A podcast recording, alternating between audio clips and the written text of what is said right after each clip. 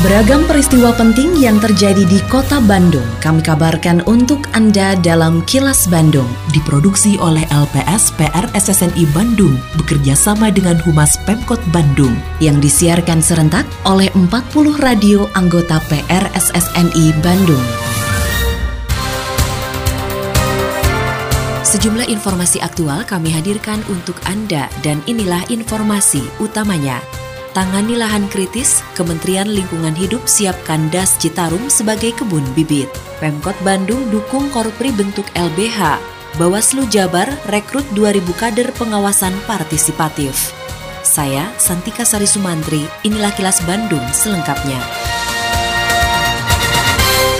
Berbagai upaya terus dilakukan pemerintah pusat dan daerah untuk mengatasi lahan kritis yang hingga saat ini masih cukup luas, termasuk penyediaan bibit pohon yang akan ditanam di lahan-lahan tersebut. Sekretaris Ditjen Pengendalian Das dan Hutan Lindung Kementerian Lingkungan Hidup dan Kehutanan, Yuliarto Joko Putranto menyatakan, untuk memenuhi kebutuhan bibit pohon, idealnya setiap wilayah mempunyai kebun bibit untuk menunjang pemulihan lahan kritis. Untuk itu pihaknya menargetkan seribu kebun bibit di seluruh Indonesia dan sebanyak 40 di antaranya berada di daerah aliran sungai atau das Citarum. Yulianto menyatakan keberadaan kebun bibit akan memudahkan pemenuhan kebutuhan kegiatan penghijauan dalam upaya pemulihan lahan kritis. Kalau kita memulihkan lahan kritis, utamanya kegiatan penanaman tentu harus disiapkan bibitnya. Idealnya semua desa harus punya kebun bibit desa untuk memudahkan masyarakat melakukan penanaman di lahan kritis itu. Jadi program Pak Presiden, Pak Jokowi, bagaimana kita memperbanyak kebun-kebun bibit desa di seluruh desa-desa yang mempunyai lahan kritis. Saya kira ini tahun ini kita akan bikin pada musim hujan ini 1000 unit dan di Citarum ini ada 40 unit ya. Saya kira dikhususkan di Citarum ini untuk mempermudah kita melakukan pemulihan lahan kritis. Masih sulitnya kaum marginal mendapatkan keadilan dalam hukum menjadi fokus penyelenggaraan konferensi ke-10 Global Alliance for Justice Education atau GAGE tahun 2019 yang berlangsung di Kota Bandung. Konferensi dihadiri 350 peserta dari 48 negara dengan tema edukasi hukum untuk kaum marginal. Usai penutupan konferensi di Fakultas Hukum Universitas Pasundan Bandung pada Selasa kemarin, Koordinator Pelaksana Harian Gage Irma Rahmawati mengatakan, konferensi tersebut memberikan pendidikan hukum kepada masyarakat yang terpinggirkan dan berhasil menemukan sejumlah metode pengajaran. Selain itu, pelaksanaan GAGE 2019 di Kota Bandung diharapkan dapat membawa dampak positif bagi masyarakat dan negara-negara di luar Indonesia, khususnya bagi warga negara yang termarginalkan dan sedang menuntut hak asasi manusia kami sudah sudah melihat bahwa ada berbagai masalah-masalah yang kita hadapi dan bagaimana kami mengatasinya dan kemudian bagaimana kita memberdayakan mahasiswa, memberdayakan dosen, memberdayakan NGO untuk bersama-sama untuk menghadapi masalah-masalah hukum terhadap kaum marginal dan diharapkan nantinya bahwa kami akan lebih dapat mengembangkan lagi, menguatkan lagi tentang keberpihakan GAGE terhadap masyarakat marginal.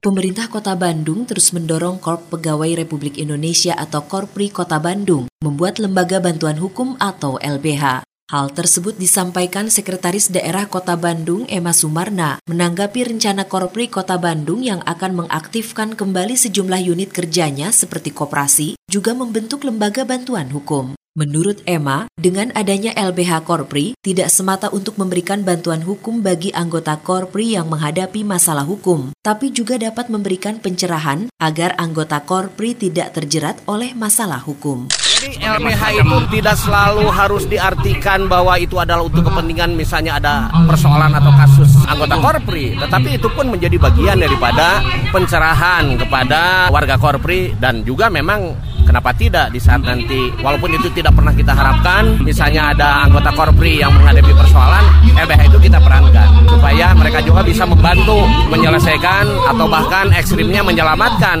terhadap korpri-korpri yang memang menghadapi satu persoalan walaupun itu tidak tidak pernah kita harapkan.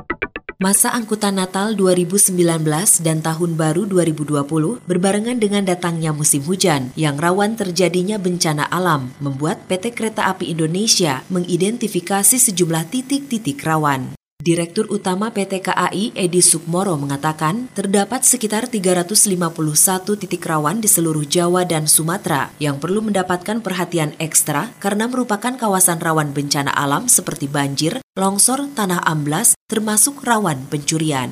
Oleh karenanya PT KAI menyiagakan ratusan petugas tambahan untuk pemeriksa jalur, penjaga pintu perlintasan, juga petugas posko daerah rawan. Selain itu disiapkan juga 11.000 personel keamanan yang bekerja sama dengan TNI Polri, termasuk menyediakan alat dan material untuk menangani perbaikan. Secara prinsip ini kesiapannya sudah hampir selesai. Kita juga akan melihat daerah-daerah yang mungkin tercatat rawan. Rawan itu secara teknis ada rawan longsor, rawan banjir, rawan ambles ya. Utamanya tadi ada pesan dari Pak Dirjen. Pak Dirjen mengingatkan kita bahwa hati-hati dengan perlintasan sebidang karena memang perlintasan sebidang ini makin bertumbuhnya angkutan ini juga makin banyak sehingga kita harus jaga siapa pun tidak menginginkan itu terjadi nanti dalam perjalanan ini juga akan melihat itu.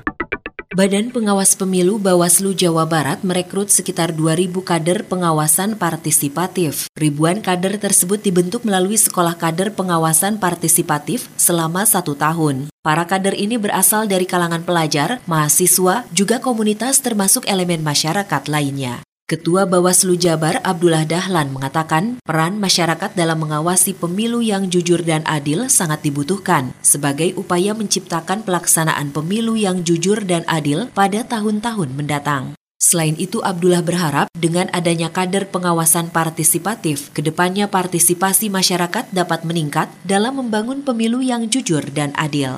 Kami di Jawa Barat sekarang sudah ada kurang lebih 2.000 kader dalam satu baru satu tahun angkatan sekolah yang kita buat.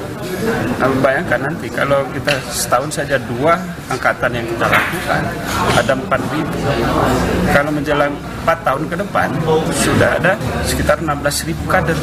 Nah ini tentu jadi modalitas penting dalam turut mengawasi proses pemilu kita ke depan agar pemilu kita lebih jujur, adil dan adil. Kini, audio podcast siaran Kilas Bandung dan berbagai informasi menarik lainnya bisa Anda akses di laman kilasbandungnews.com.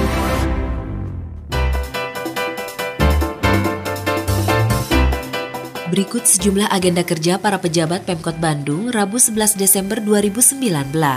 Wali Kota Oded M. Daniel menerima silaturahmi Kepala Kantor Badan Kepegawaian Negara Regional 3 Bandung. Selanjutnya menghadiri ekspos kajian evaluasi kinerja BUMD Kota Bandung tahun anggaran 2018 dan rencana kerja anggaran perusahaan BUMD di lingkungan Pemkot Bandung tahun 2020. Sementara itu Sekretaris Daerah Emma Sumarna memimpin rapat pembahasan jawaban evaluasi gubernur terhadap RAPBD 2020.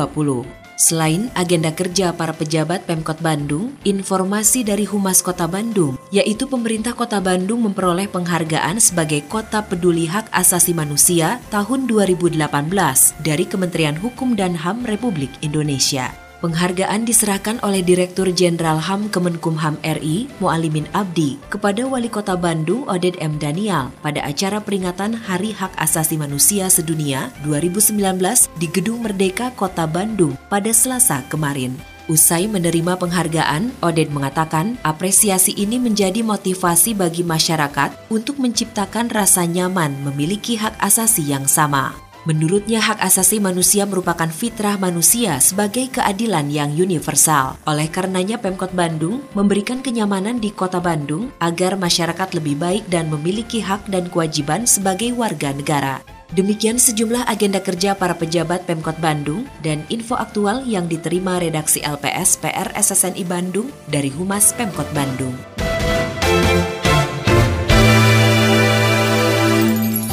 Terima kasih Anda telah menyimak Kilas Bandung bekerja sama dengan Humas Pemerintah Kota Bandung yang diproduksi oleh LPS PR SSNI Bandung.